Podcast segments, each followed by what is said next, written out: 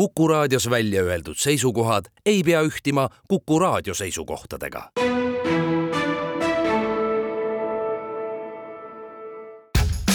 ja nüüd kohe algab Jukuraadio.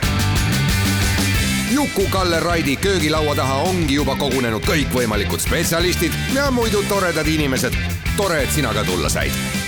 häid mõtteid toob Jukuraadiosse Postimehe kirjastus on kolmandat päeva, uksi käib siliti.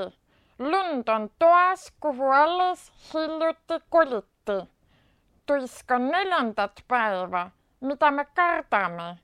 julged püüame olla, mida me kardame.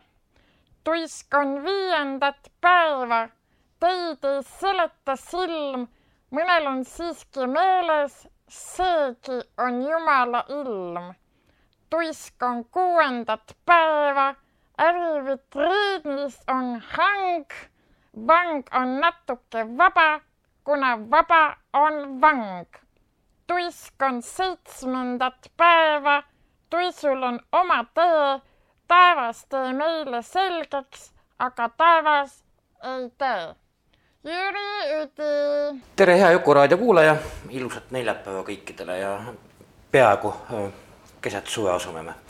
eelmine kord oli meil Katri Raik köögilauas ja me rääkisime ähm, ogaraid ja Narva jutte, need kipuvad ikka ogarad olema ja siis kellel see jäi kahe kõrva vahele, siis võite järgi kuulata, muuseas Katril jah ilmus juuni lõpul raamat Minu Narvas, on see Petrone, päris õudne sari muidu, kus aeg-ajalt popsatab mõni lahe raamat ka sisse.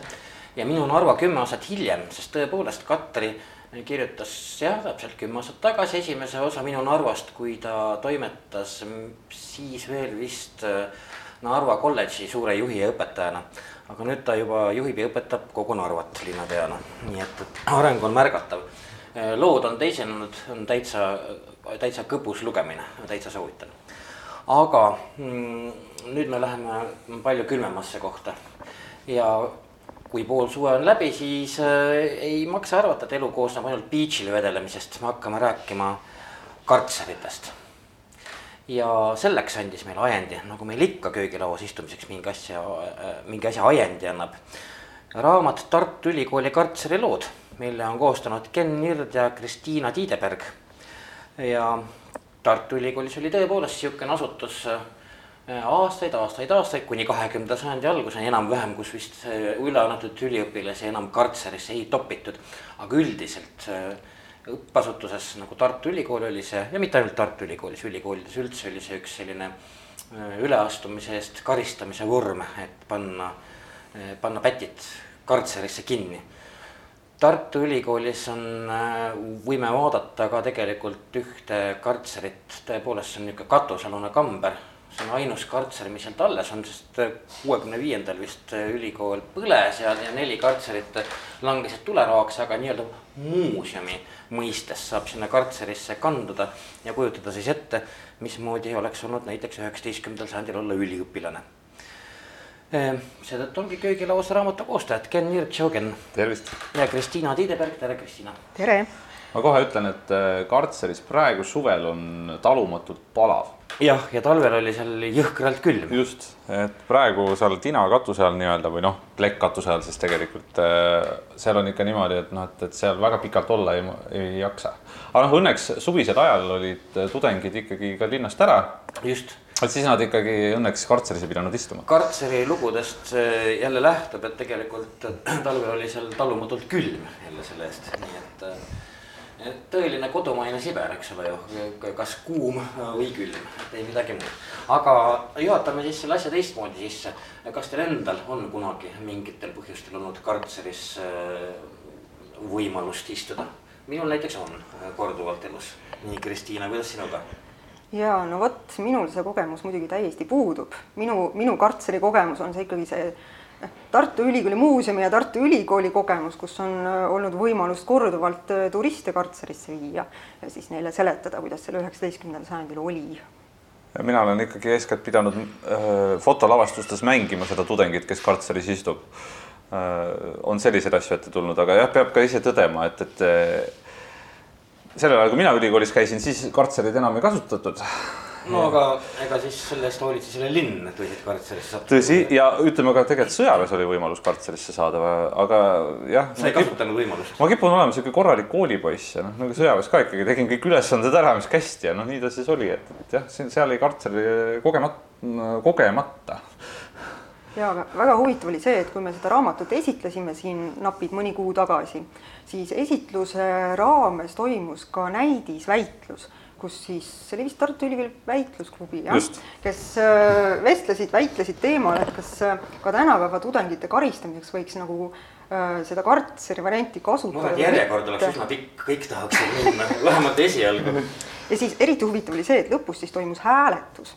et kumb pool siis peale jäi, kas siis nagu jaa pool või ei pool, et noh, publiku hulgas ja ma olin väga üllatunud, et tuli tugev jaa hääl. no ma olin ka seal kohal ja ma ütleks ikkagi, et, et tegelikult need, kes olid selle poolt, et võiks kartserisse minna, nad rääkisid ja põhjendasid ennast ikka marupagana hästi ka, et meil oli rektor kohal ja rektor oli lihtsalt kõveras naer, naeris, et noh, et, et see, see läks lihtsalt nii hästi peale, et nad lihtsalt võlusid publiku ära, no mis sa teed.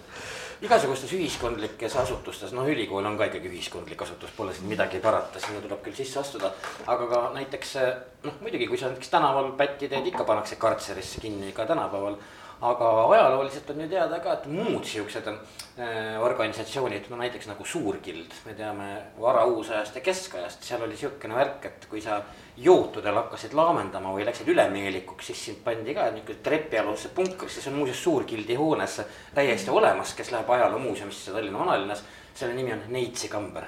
seda hüüti Neitsi kambriks jah, kuhu siis äh, kaupmehed, kes kippusid noh, ütleme äh, jokis peaga laamendama hakata, hakkama, need siis visati sinna Neitsi kambrisse. nii et sihukene distsiplineeriv traditsioon on palju varasem, kui veel Tartu Ülikoolist ei osanud veel keegi undki näha. ei no nii ongi ja see meie ülikooli kartseri traditsioon samamoodi põhineb ju tegelikult sellel keskaegsel äh, kloostrisüsteemi traditsioonil, sest et need äh, ülikoolid äh, keskajal olid ju väga kloostrisarnased asutused, kui sa lähed tänapäevastesse Oxfordi ja Cambridge'i ülikoolidesse, see on ju mõnes mõttes samamoodi säilinud ka seal, sellised kinnised asutused, müüriga ümbritsetud ja kui kloostrites kasutati samamoodi kartserit distsiplineerimisvahendina, siis äh, ülikoolid võtsid selle üle, keskaegsed ülikoolid ja ja tegelikult see läks varauusajal edasi ja kestis tegelikult äh, Saksamaal isegi kuni tuhande üheksasaja kahekümnendateni. Et seal veel, äh, veel täiesti Weimari Vabariigi ajal veel seda mõnda aega konservatiivsed sakslased. tahtnud süsteemist loobuda, meil, meil vist lõppes see jama ikkagi üheksateistkümnenda sajandi lõpus, eks. just, et tegelikult siis tuhat üheksasada on viimane aastaarv, millest meil on kindlad tõendid, et keegi on meil kartseris istunud, sest ta on sellest äh, seinale oma jälje jätnud Äh, ja tuhat üheksasada kolm anti välja uued tudengireeglid, üliõpilaste siis üleüldised käitumisreeglid nii-öelda. ja, ja seal siis enam karistuste hulgas kartserit ei ole mm. -hmm ja mina olen või noh, muidugi me oleme selle raamatu koos teinud, aga mina pressisin sisse siia sisse ka ühe lookese, mis räägib Tartu Ülikooli kartseritest ja naistest. no ega ma ei olnud vastu ka muidugi kahtlemata. see on alati põnev teema, ütleks sellele. aga siin on ka see huvitav nagu seos või fakt, et tõesti, et ükski naine siis kartseris tegelikult istunud ei ole, et kui tänapäeva ülikoolid on hästi sellised feminiseerunud, siis see kartserite traditsioon sellisel klassikalisel kujul lõppes tegelikult enne ära, kui esimesed naised jõudsid Tartu Ülikooli no.. ometigi, ometigi siit raamatust raamatust tuleb välja, et naised on seda kar-, neid kartsereid külastanud. tõsi, muudel põhjustel. erinevate elukutsete, elukutseid viljelevad naised, nagu ma aru saan. ja, ja peab ütlema, et üheksateistkümnenda sajandi alguse ülikooli kuraator oli selle pärast väga pahane ja, ja ülikool pidi selle pärast äh, kõvasti vaeva nägema, et selline korralagedus lõpeks. et jah, et, et ütleme, kes on pätti teinud, et neil on äkki mingid prouad kambris aga tuleme korraks täitsa algusesse, Tartu Ülikooli kartserite lugude algusesse võtame siis, ma ei tea, kumb teist äh, sellest, sellest algusest räägib, et äh, mis aastast me saame pajatada? Äh, vot igasuguste algustega on, on raske, on raske just, et kuhu seda algust nüüd panna. Tegelikult meie raamat muidugi algab üheksateistkümnenda sajandi algusest ehk siis sellest ajast, kui ülikool Tartus taas avati, see aastaarv on siis tuhat kaheksasada kaks, aga tõesti, kui seal hakata nagu urgitsema, siis võiks selle aasta veel vedada paar aastat tahapoole. aga tegelikult kartserid olid äh, Tartus olemas juba seitsmeteistkümnendal sajandil, ehk siis Rootsi ajal, me küll teame sellest hirmus vähe, ka mitmesugused kartsidega seotud ametimehed olid olemas, kellest samuti on raamatus juttu, aga, aga tõesti, et ähm, et kui siis läbi sisuliselt kaheksateistkümnenda sajandi Tartus, Eestis ülikooli ei olnudki ja kui ta siis üheksateistkümnenda sajandi alguses jälle taas avati koos kõigi ülikooli juurde kuuluvate institutsioonidega, siis seda tudengite distsiplineerimise vahendit, hästi olulist ehk siis kartserit oli ka kohe tarvis, seda peeti hästi oluliseks, nii et Äh, et kõigepealt siis need nii-öelda kartseriruumid asusid siis sellises ülikooli esimestes ajutistes ruumides, aga kui see tänane Tartu Ülikooli peahoone aastal tuhat kaheksasada üheksa avati, ehitati siis, eks, et äh, siis ka kohe-kohe rajati sinna äh, katuse alla ja ka siis kahe teadaolevalt kahele poole nii-öelda peatreppi rajati ka esimesed kartserid. ja väga huvitav on ka see, et, et tõesti kartserid äh, seati sisse veel enne seda, kui esimesed tudengid vastu võeti, et noh, et, et see pidi Nad nagu. juba teadsid. et noh, et, et juba ülikooli valitsus juba tegi selle otsuse ära, et, et kõigepealt me teeme kartserid ja siis hakkame ülikooli tudengeid vastu võtma. siis hakkame ülikooli pidama. no ja Tartu Ülikool ei ole mitte ainult Tartus olnud, eks ta on ju Tartus avatud, aga ju siis eks nad siis ka näiteks Pärnus tassisid ikkagi mingil moel selle asjanduse, selle ka kartserilinduse kaasa arvata võib jaa, et äh, ega sellest seitsmeteistkümnenda sajandi ülikoolist me teame üht koma teist, aga palju on veel uurida. Äh, ja, ja fakt on see, et, et sinna mindi, seal olid ruumid selleks olemas ja ei kujuta küll ette, et see teistmoodi oleks olnud, et seal ei oleks ka kartserid olnud. et, et äh, ülikool ju toimetas seal kogu täiega, tudengid olid olemas, nii et kindlasti ja on ka teada, et kartseri karistust seal määrati, nii et noh, selles mõttes seal pidi midagi olema ja võib-olla veel niisugune üks hästi hea näide, et ähm, seitsmeteistkümnendast sajandist on teada, et see rektori sellised olulised ametisümbolid nii-öelda olid ristatud võtmed ja mis need võtmed on, üks võti on siis nii-öelda kassavõti ja teine on siis kartseri võti.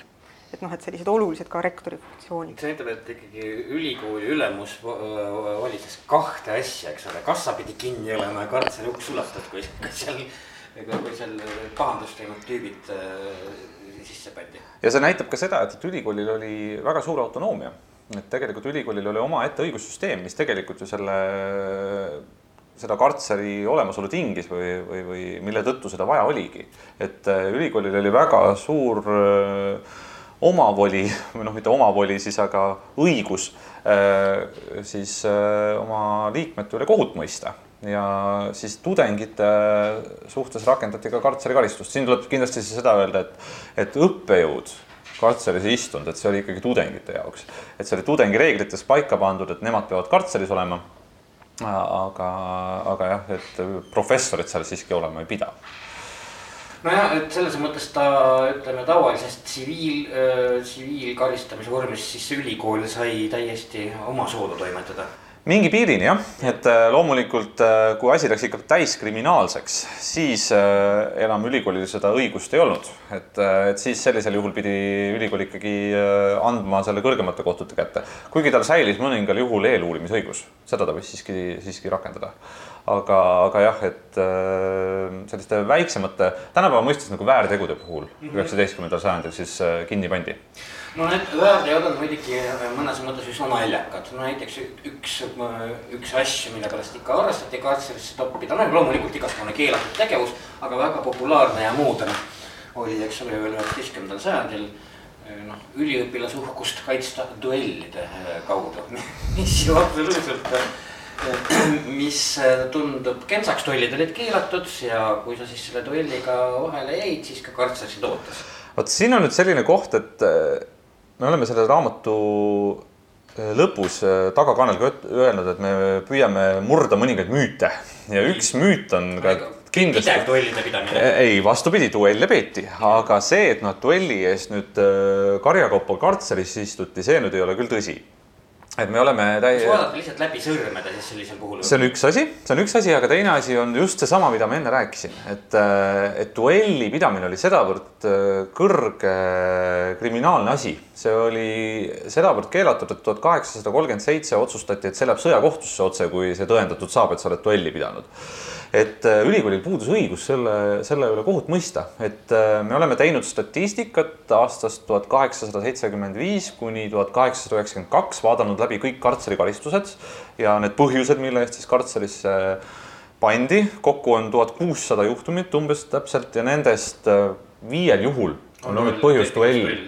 aga me kujutame ette, et neid duelle tegelikult peeti kindlasti rohkem meie, meie memo-, memoristikasse ju ka kõvasti seda Tartu Ülikooli tollide pidama, aga mitte muidugi see ei olnud ainult äh, Tartu Ülikooli komme, et lahendada küsimusi tollidega, see oli üsna levinud. ja kindlasti võib arvestada ka seda, et äh, et ega ülikoolile endale näitas see ka halva, jättis see ka halva mulje, kui, äh, kui kuskile kõrgemale jõudis see teadmine, et, et mingi duelli pidamine siin käib, mis on juba. kinni mätsida pigem täpselt, et see, et ma arvan, et seda tuli ka väga palju ette. ja Kristiina, sa tahtsid? ja ei, ma olen sellega selles mõttes täiesti nõus, et kartserisse on tudengeid tõesti pandud nagu massiliselt üheksateistkümnendal sajandil ja noh, me lugudest on ka teada, et nad sisuliselt nagu ootasid peaaegu et järjekorras, millal nad sinna kartserisse saavad.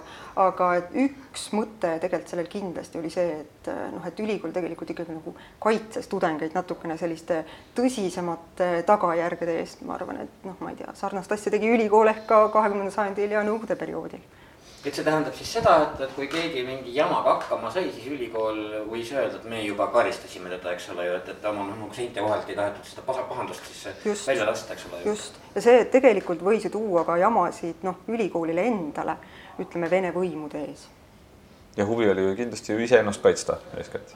ei loomulikult, aga võtame siis tuhat kuussada juhtumit tõepoolest, no raamatus on neid me üsna, üsna põgusalt käsitleda, see ei ole väga paks raamat, ta on, ta on selles mõttes on siukene noh, ütleme üsna kiire lugemine, lobe, lobe ja kiire lugemine, aga noh, tuhande kuuesajast teadaolevast juhtumist loomulikult oleks pidanud mingi hirmsa tellise kokku keevitada. Võib-olla tuleb kunagi. ja, jah, just, jääge ootele. Tegelikult selle raamatu üks mõte oli ähm, hästi tugevalt ka pakkuda midagi meie muuseumi külastajale, et mm -hmm. see huvi, et niisugune raamat võiks olla, on juba väga-väga pikaajaline, et, et äh, meie enda külastajad küsivad juba aastaid, et kas teil kartserist ka midagi pakkuda on. Ja noh, ja kui me oleme ise käinud kuskil muuseumis, siis me ikka nagu teame seda, et tahaks nagu mingi raamatu kaasa võtta sellest yeah. muuseumist, aga nagu kui sa oled oma oma mm, lennukisse mineva kohvriga, siis sul pole ruumigi selle jaoks, et mingi paks tellis kaasa võtta ja nii saigi siis tehtud selline küllaltki kontsentreeritud sellises turistisõbralikus äh, kaasapakitavas formaadis raamat, mis, äh, mis annab ikkagi sellise täitsa okei okay ülevaate. täitsa korraliku ülevaate, ma ütleks ka sellest, milline oli kartser minevikus, milline ta on tänapäeval ja millised lood sinna kaasa käivad.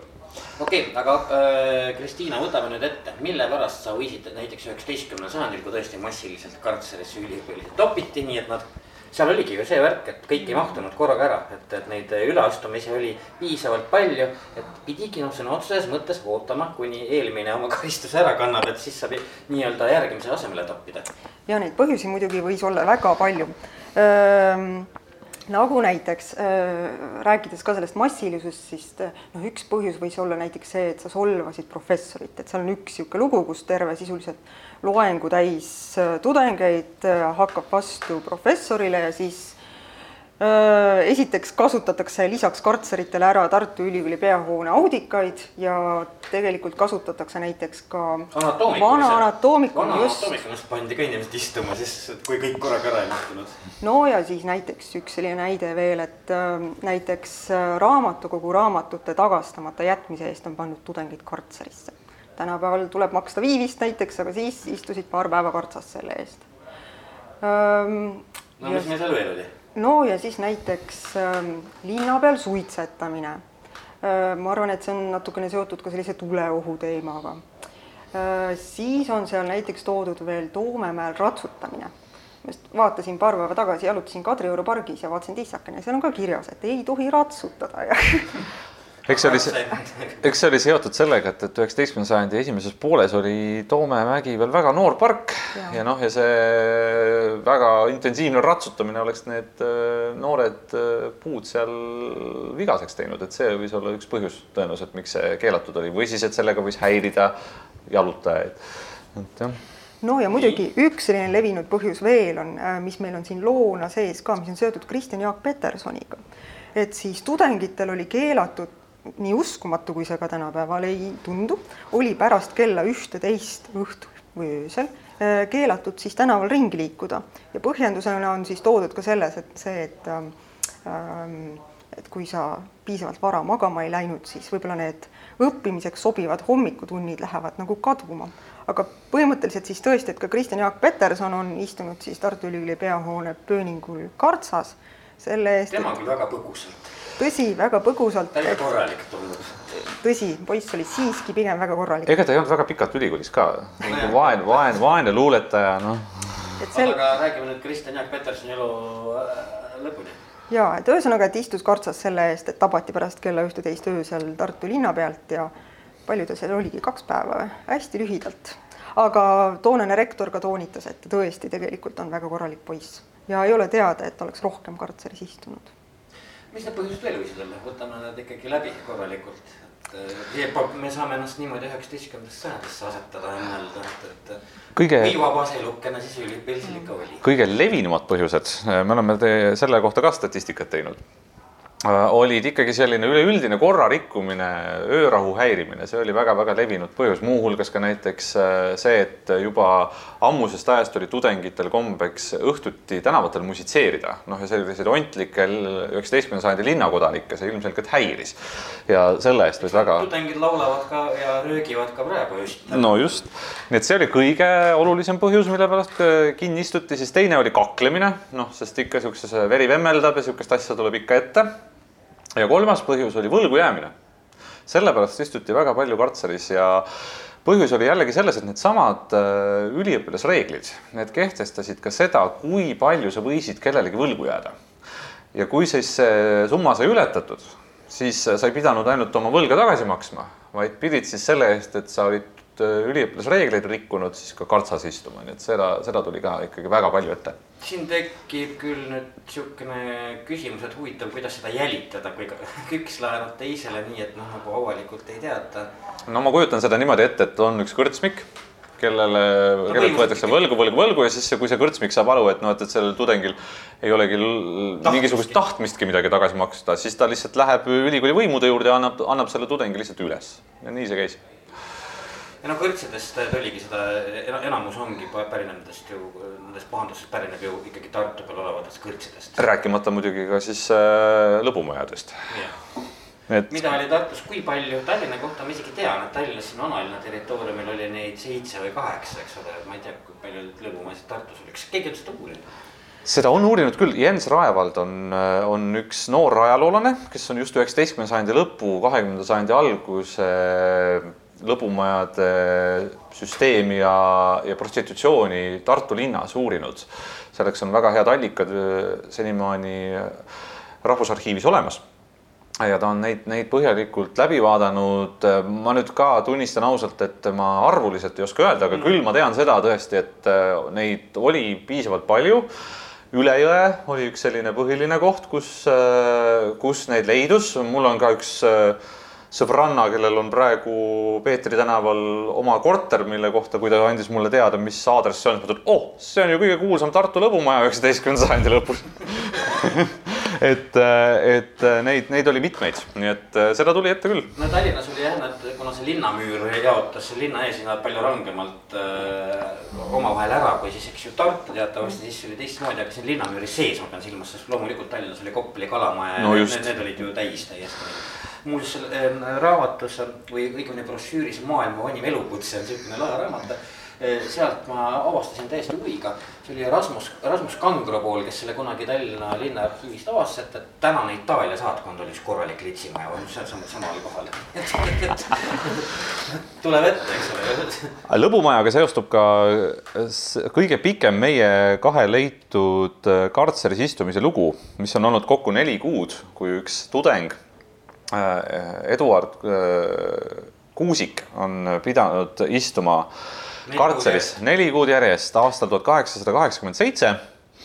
tema oli Eesti päritolu arstitudeng, Palamuselt pärit mees, kes ühel sügisesel õhtul veetis oma aega Oa tänaval Lõbumäes, see on siis Karlovas, eh vabandust, mitte Karlovas, vaid, vaid ikka Supilinnas.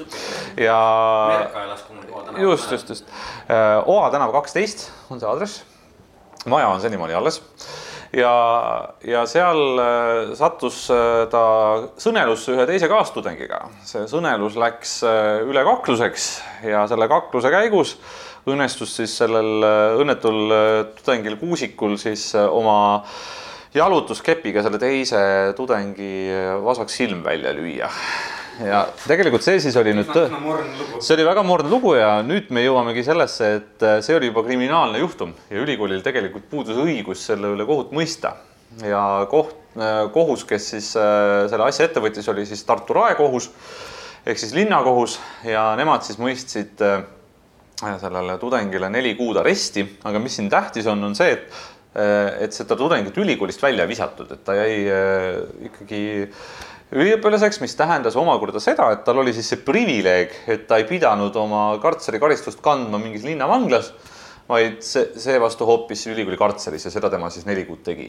aga see on tegelikult ikkagi väga erakordne juhtum, et reeglina kartserikaristus oli selline mõni päev kuni maksimaalselt kuu aega. et väga harva rohkem kui, kui neli-viis nädalat Enda arust ma panin selle kinni, aga okei okay,, aga vot see telefon näiteks praegu märkab, me peame pausi tegema, by the way isegi, isegi vedas. Me räägime Tartu Ülikooli kartseri lugudest ja just nimelt üheksateistkümnendal sajandil ja selle kohta on nüüd ilmunud väga äge raamat, ongi nimi Tartu Ülikooli kartseri lood. Ken Niiret ja Kristiina Tiideberg on selle koostanud arvukatest lugudest, nagu siin kõlas läbi, tuhande kuuesajast juhtumist on mõned värvikamad siis välja valitud ja noh, üleüldiselt ka süsteemi kirjutatud, millest sa võisid siis plate peale sattuda. ja see on siis meie ilusa kesksuve köögilaua teema, lihtsalt soojale plääžile vahelduseks mõtleme vangimajast. Te olete Kuku raadio lainel ja kuulate Jukuraadiot. häid mõtteid toob Jukuraadiosse Postimehe kirjastus nii, no jätkame siis tänast saadet. järjekorranumbriga on see neljasaja seitsmekümne viies Jukuraadio ja ei ole vaja bikiinides keset suve ringi tolgendada igal pool, vaid me tõepoolest oleme hoopistükkis Tartu kartserites vot esimeses plokis me nüüd siis rääkisime ja õigemini jõudsime sinnani, kus üks, üks Kuusiku nimeline härrasmees tudeng oli siis kellelgi jalutuskepiga lõbumajas silma välja löönud ja siis istus neli kuud kartseris. Ja nagu Ken ka ütles, et, et see ei olnud noh, hästi tüüpiline, vaid tegelikult olid, tegelikult olid need karistused palju lühemad. ühesõnaga, Kristiina, et mõnes päevas mõne nädalani, nagu ma aru sain, jah Äh, tõsi, ähm, enamasti need siiski nii pikad ei olnud, aga, aga vot Ken siin mainis, et me siin äh, murrame natukene müüte, et siiamaani on siiski tõesti räägitud, et noh, et maksimum kolm nädalat. Et äh, mis nendest allikatest ikkagi tõesti välja tuli, on see, et see karistus võis olla oluliselt pikem, et see neli kuud on ikkagi nagu päris karm. no see on karm, aga noh, ma saan aru, et see on absoluutne rekord vähemalt teadaolevalt, eks ole tõsi, teadaolevalt, et äh, ma arvan, et me isegi tegime siin suurt tööd allikatega, aga pole võimatu, et neid allikaid, mida me ei ole leidnud, on tegelikult veel, et neid kohtutoimikuid on tegelikult omajagu. Noh, see on ka noh, kui jah, kui sa kellelgi juba silma välja torkad, see on jah niisugune no on tegelikult tõesti murn, nagu siin mainitud sai, aga oli ju veel pikemaid asju, milles sa võisid pikalt siis sa noh, ütleme siis unustame need väikesed lärmamised öösel ära, eks ju, need mõnepäevased. mis, mis asi, mis võis olla, kui sa said näiteks kuu või ma ei tea, või rohkem, mida sa pidid, millega sa pidid hakkama saama ometigi? võib-olla, mida ei ole veel mainitud, on noh rääkisime küll sellest, et ütleme, professorile vastuhakkamine oli ka näiteks väga yeah. tõsine lugu, aga mida ei ole me veel selgelt maininud, on sellised üldse ameti, ametnikele ja nii-öelda võimu esindajatele vastuhakkamine. üks oluline mees, ametipost, äh, kelle mainimiseni me samuti ei ole veel jõudnud, on siis pedellid ehk puudlid, nagu neid üheksateistkümnenda sajandi Tartus kutsuti Bedell on ka tegelikult selline nagu rahvusvaheline ametimees, et need ei olnud ainult Tartus, vaid ka kõigis nendes, ütleme näiteks Saksa ülikoolides, Inglise ülikoolides. et Bedell on siis põhimõtteliselt selline ähm, ülikooli politseinik, aga ka selline kes luusis mööda linna ringi ja, ja kui kellegi kätte sai just nimelt peale ühte teist, eks ole, just. Tuletas mulle meelde nõukaaegsed rahvamalevad, kusjuures kui ma seda raamatut lugesin kus siis noh, nõukaajal oli muidugi nii, et, et pärast mingit tehast ööliselt pärast tööd tõmbasid punase lindi varrukale ja läksid, läksid promenaadile patseerima. Et mingid oksi murd, murdvad pioneerid mingisse äh, kuubikusse kokku koguda ja koolile üle anda või noorsoopolitseile või mis toonane miilitsa lastetuba. aga noh, pedellid olid põhimõtteliselt, nad olid siis, nemad luusisid ja vaatasid, et tudengid ei oleks vahepeal, eks täpselt, täpselt nii oligi.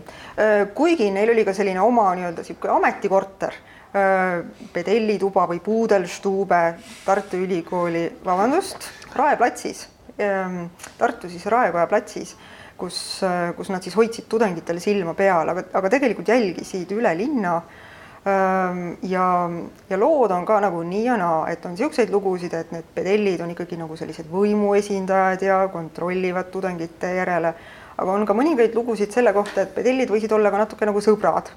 ja noh, ka nii-öelda tudengite ühesõnaga ei andnud ülesse? ei andnud ülesse aga, aga, aga tegelikult on nii, et kui asi tõesti läks tõsiseks, et noh, et pedellile vastuhakkamine tähendas ülikoolile vastuhakkamist ja ma arvan, et sealt ikkagi tuleb ka mängu see, et noh, mingisugust distsipliini tuli nagu ülikoolis ikkagi hoida. Ja, ja ülikool ka omakorda oli nende pedellide selja taga, olgugi et vot siin on veel üks niisugune huvitav nüanss tuleb mängu, et et see üheksateistkümnenda sajandi Tartu tudeng on ju reeglina saksakeelne yeah., balti-saksa tudeng, noh, sellist noh, pigem nagu kõrgemat päritolu siis toonase Eesti mõistes, aga nii mõnedki pedellid olid hoopistükkis Eesti päritolu. Et, et niisugune väike rahvuslik vahe tuleb ka nagu mängu, selline klassivahe. see on ikkagi nii, et mingi talumats tuleb, eks ole ju ka noh, ennast avaldab, kuna tundvale tudengile tuleb päitseid pähe no see on ju alandav, eks. no vot, aga, aga samas ülikool ikkagi pidi olema selle pedelli selja taga, sellepärast et äh, seal taga oli ka niisugune ülikooli noh, distsipliin ja väärikus ja au ja kui me räägime sellest, me rääkisime kolme, eelnevalt sellest, et meil oli siis äh, kolm äh, peamist põhjust, millest kartserisse satuti ja siis sellest järgmine neljas oligi ametivõimudele vastuhakkamine, mis tõenäoliselt tähendabki seda, millest Kristiina just rääkis, et seesama, et äh, lihtsalt ei olnud pedelli käskudega, pedelli käskudele hakati vastu. pedellidel oli jah, see seesama, see, mis me ka eelneval korral rääkisime, et, et kella üheteistkümneni nii-öelda võis olla linna peal ja siis pedellid harrastasid ka seda, et eh, neid oli ju lõpuks väga palju, ülikoolil täitsa üle kümne ja, ja siis nad. nii väikese linna kohta ikkagi. Neid ikka okay. pidi olema, eks ju. ja, ja siis nad mõnikord tegid seda, et, et olid mõnes sellises põhilises eh, kõrtsus, kus siis tudengid koos istusid ja kui kell sai üksteist, siis nad tõusid püsti ütlesid, no nii, härrased kell on üksteist, on aeg. ja siis, äh, siis pidi siis selle. torisevad tudengid. just, ja siis pidi minema ja kui ei läinud, siis äh, järgnesid sanktsioonid. no jah, jah, Kristina. ja ei, ma mõtlesin, et ähm, võib-olla rääkides veel sellest, et kui pikalt näiteks seal kartseris pidi istuma, et siis üks asi, millest me siin kirjutame, on ka see, et kas kartserist näiteks tohtis ära käia sel ajal, kui sa öö, ähm, oled siis sinna kartserisse mõistetud, et noh, et. Ähm, seal oli üks väga nunnu lugu sellest, kuidas sai küll ära käia, aga pikendasid sellega ka, kui tagasi ilmunud, siis pikendasid oma kartseri aega jälle. tõsi, tõsi, et ühesõnaga, see on ka tegelikult üks selline teema, mille kohta on pigem nagu vähe andmeid, et me olemegi siin esitanud neid suhteliselt nagu noh, nappe arhiiviallikaid aga, aga kartseris tõesti reeglina siis, eks ole, istuti üksinda. kui need järjekorrad läksid väga pikaks ja kui neid kartserisse mõistetud tüüpe oli nagu hullult palju, siis nad võisid olla seal ka nagu mitmekesi, aga et, et ühesõnaga, et üks põhjus, miks siis võis ka kartserist vahepeal nagu vabaks lasta inimese või siis olla see, et et ikkagi tuli loengutes käia, et see võis olla see nagu tõsiseltvõetav põhjendus, aga meil on siin tõesti üks lugu, et Ken võib-olla mäletab seda lugu täpsemalt, kus äh, tudeng siiski ei ilmu õigeks ajaks, kokkulepitud ajaks kartserisse tagasi siis muudkui. no meil on ju praegu ka vanglas, nii et kui sul see jalavõru on Aa. ja särakavad, et siis sa saad uue lituudi peale. ja see lugu, mida sa siin meenutad sealt raamatust, see juhtus Nikolai Pindemaniga, kes siis oli ka seal tuhande kaheksasaja kaheksakümnendatel selline tudeng, kes äh, oli väga tuntud selle poolest, et, äh, et õppida ta eriti ei viitsinud, aga aga suutis ühest lonksust äh, ära arvata kõikide Tartu õllemeistrite õlleteo nagu hetkega.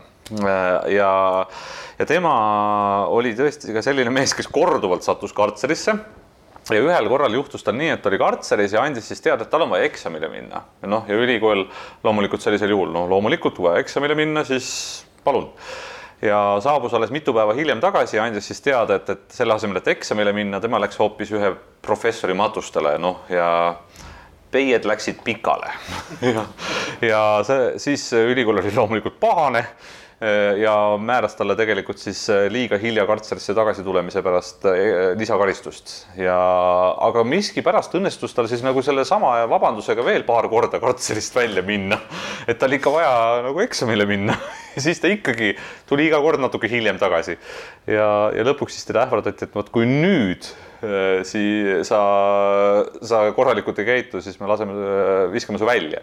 et siis, siis lõpuks ta sai oma karistuse ära kantud, aga, aga jah, seda, et, et välja mindi, seda tuleb ette ja, ja needsamad äh, kohtujuhtumid, kus siis tudengid liiga hilja tagasi jõuavad, need näitavadki just seda, et tegelikult see võimalus oli mm. -hmm. ja, ja reaalselt üks juhtum räägibki sellest, et tudeng läks lõunapausile Äh, ja, ja siis jäi liiga, liiga hilja peale, jäi pikemaks. Äh, võib-olla võttis noh, paar õllet liiga palju ja, ja siis äh, paraku, paraku sai siis sellepärast karistust juurde kartser paistab silma veel ühe asjaga, aga tegelikult, mida on nagu tegelikult paistavad kõik vanad vanglad, no ükskõik mis tüüpi nad on, see on siis ikkagi nagu kunstisaal mõnes mõttes. ja Patarei vanglast alates, noh, mida nüüd siin Sõõrumaa renoveerib hoolsalt, siis kui veel töötas seal äh, ühest küljest oli sellel vangla tuberkuloosi haiglas, ma räägin mingi aastast kaks tuhat kolm, kus ma käisin toonase justiitsminister Rein Langiga, mis oli väga lahe. Äh, siis, siis me avastasime ka, noh, seal oli ka ikka iidamast, aadamast kahekümnendatest äh, saati, kui seda vanglana kasutama hakati, oli seal kõikvõimalikke kritseldusi, ühesõnaga puhas ajalugu ja üsnagi kunstiline sealjuures. ja Tartu Ülikooli kartserite kohta või noh, selle ainsa alles jäänud kohta võib ka sedasama öelda, ehkki fotomaterjalidelt me ju teame tegelikult ka äh, ära põlenud nelja ülejäänud kartseri kohta.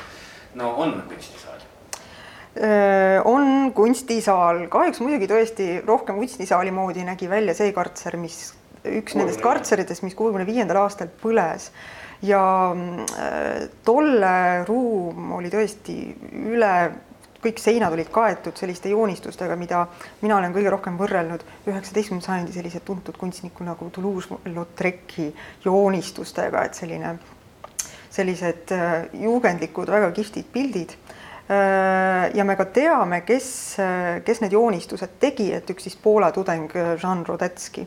aga see, et kartseri seinad on muidugi piltidega kaetud, on nagu. mitte ainult piltidega, ega, ega, ega. tekstidega, just, tekstidega, igasuguse grafitiga kaetud on, nagu sa ise just rääkisid, et hästi universaalne. ja, ja ma arvan, et aga tõsi, seda grafitit leidub ka tänase kartseri, täna säilinud kartseri seinal ja ma arvan, et seda võib pidada üheks Eesti vanemaks säilinud grafitiks üldse. aga mis nendes neljas, kas, kas need neli hävinud kartsid on enam-vähem ikkagi kõik sinna üles pildistatud, nad on nagu arhiivis alles või ei taibatud seda siiski teha.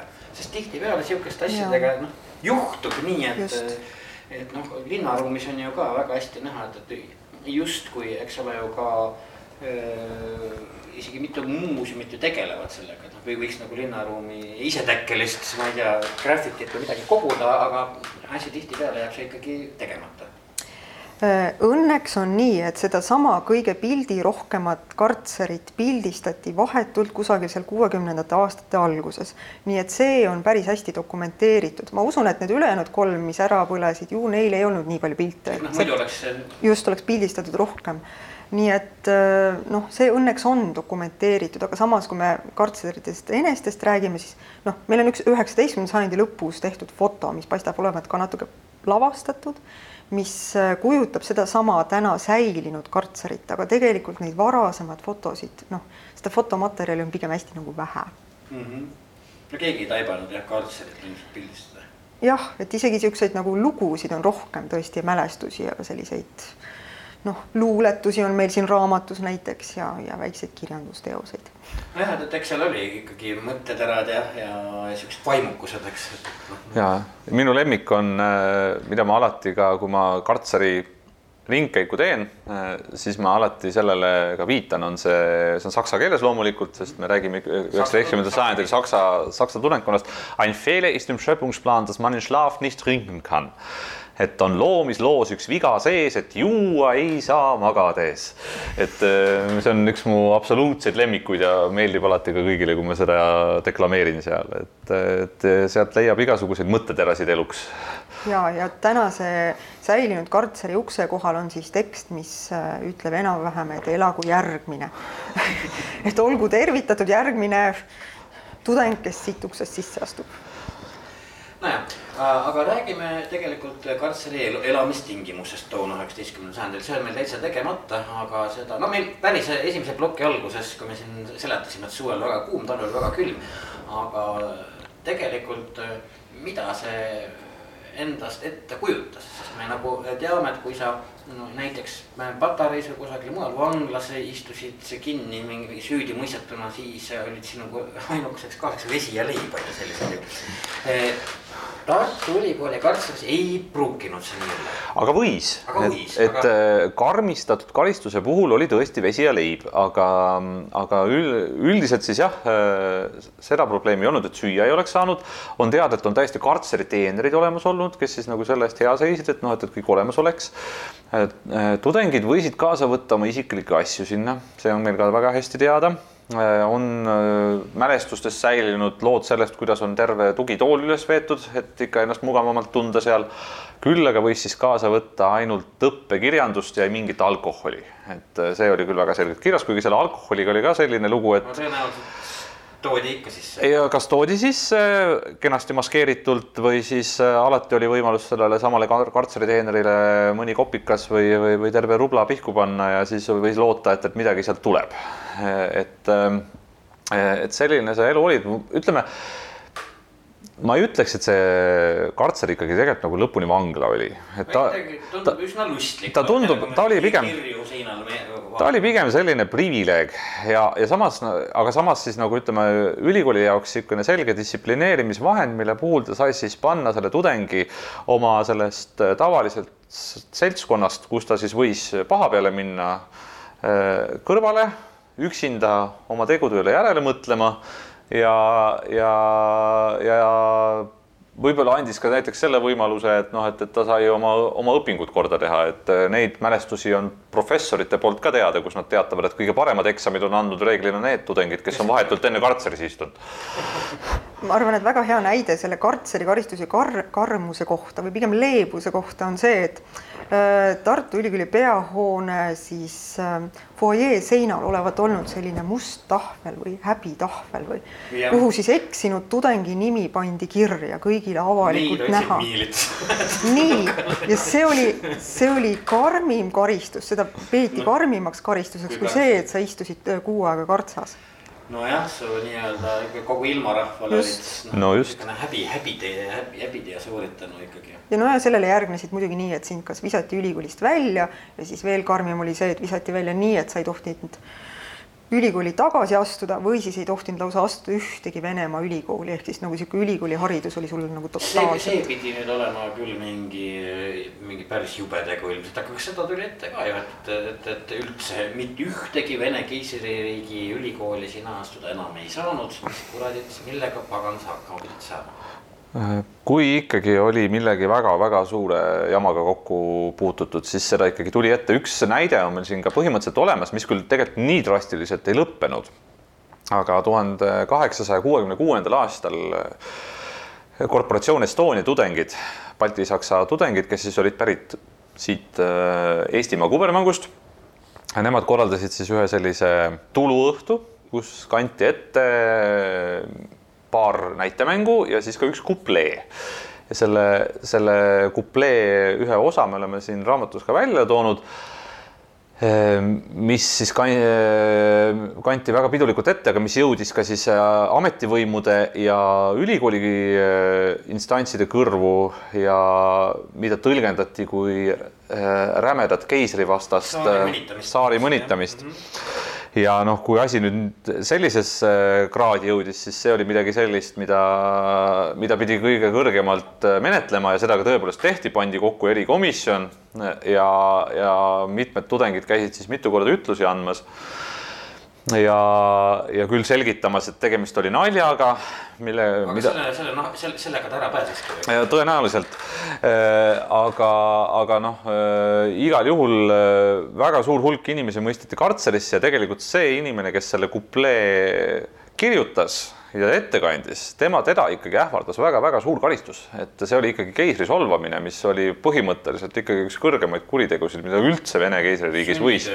a la, äh, et et äh, seesamune ülikoolist väljaviskamine ilma õiguseta kuskil mujal õppida terendas ees, aga siinkohal siis tuleb siis äh, tänada äh, siis Aleksander Teist, kes, kes siis jõulureedel, see on ka minu arvates päris oluline. Ja niimoodi jõulureedel siis näitas oma armuli, armulikku kätt ja siis äh, teatas, et istuge seal kartseris ära ja las ta siis olla, et, et juhus, täpselt, täpselt, täpselt, et see, sinna arvele see kõik kirjutati ja see asi tegelikult lahenes, aga sellele ühele tudengile paistis see tegelikult päris näruna no igasuguseid legende muidugi, kuidas New Yorgiga on kartserisse veini üles tõmmatud, mis võib-olla siis ehituslikult, kui me mõtleme, kui see kartser ei olegi väga võimalik, aga noh, et juttu on alati rohkem kui tegelikust no neid, neid legende on ju hirmus palju, igasuguseid tegelikult. me vaatame ka baltisakslaste kirjutatud, no ikkagi tuleb ette. Eh, ka kolmekümnendatel avaldatud raamatuid, noh, kes on ise istunud nõukogu vanuigi, siis kirjutavad näiteks Saksamaal, eks ju, et, et, et kuidas siis Tartu Ülikoolis see oli, siis on igasuguseid naljakaid lugusid, millest siis noh, ilmselt on päris keeruline tõde välja selekteerida Ehm, tõsi, äh, siin raamatus on ka üks lugu, äh, kus me oleme siis ära publitseerinud ühe äh, tudengi kirja, kus ka selgitasime välja, et tegelikult, et see kõik, need kõik ei ole nii-öelda autentsed mälestused, vaid tegelikult seal on mitmed nagu faktivead sees mm, -hmm. et see, see pigem on või, see nagu kirjandusteos. palju hiljem kirjutatud, et, et on mingi asi võib valesti meeles olla, see, seda kõik, tuleb muuseas alati memoristikas ikka ette. et noh, lõppkokkuvõttes on ju paratamatu aga need Kartseri lood on tõesti niisugused äh, lustlikud ja me noh, lootsime, et see lustlikkus ehk tuleb siit raamatust ka välja. Et, äh, et, äh, et kus rõhuasetus on sellisele tõesti huumorile ja, ja toredale lõbusale tudengielule, et kus, kus see tõde alati on ja kus see nagu niisugune nali on. et alati ei saagi sellest aru ülikooli muuseum on ka väga õnnelik, et nad tegelikult me saime selle kaante vahele need lood ja sest äh, Äh, eks see, eks seda tudengielu eri aspekte me toome oma näituste saalides välja igal pool, et noh, et meie, meie Minu Elu Ülikool ju räägib sellest tudengielust laiemalt. meil on seal ka tegelikult üks kartseri mudel seal Minu Elu Ülikoolis väljas, et äh, saab sellises nukutoa formaadis vaadata, milline nägi välja just seesama kõige rohkemate piltidega, piltidega kartser, mida, mida enam alles ei ole selle põlengu pärast ja, ja see tudengielu ei olnud ainult see kartseris istumine, seal oli laiem ka, aga, aga jah, see, et, et see üks, üks väga põnev, põnev seik sellest ülikooli ajaloost, mis mis pakub alati inimestele huvi, et, et see sai nüüd raamatusse, see on hästi-hästi tänuväärt ja ma me peame ikka meelde tuletama ka, et, et ega siis noh, see kartser, see ütleme, see nimi ja, ja kogu see asi kõlab hirmsamini, kui ta ilmselt tegelikult eh, toona tegelasele tundus, sest et no ähm, seda võeti ikkagi ka noh, mitte ütleme teadmistraagiga, vaid võib-olla isegi pigem vastupidi, sest et ikkagi äh, jääb ka erinevates mälestustes mulje, et noh, kui sa nüüd üldse kartseris polnud istunud, sa oled kuidagi kuidagi kahtlane jobu. no vot, see on seesama, see on seesama, millele Kristiina ka ütles, et see viivat sequence, mis meil seal ukse kohal on selles säilinud kartseris, et, et ole tervitatud järgmine, et noh, et, et see oli peaaegu et üleskutse sulle, et noh, et, et voh, said ka tõeliseks tudengiks, et alles siis olid tõeline tudeng, kui olid ühe ööpäeva kartseris veetnud.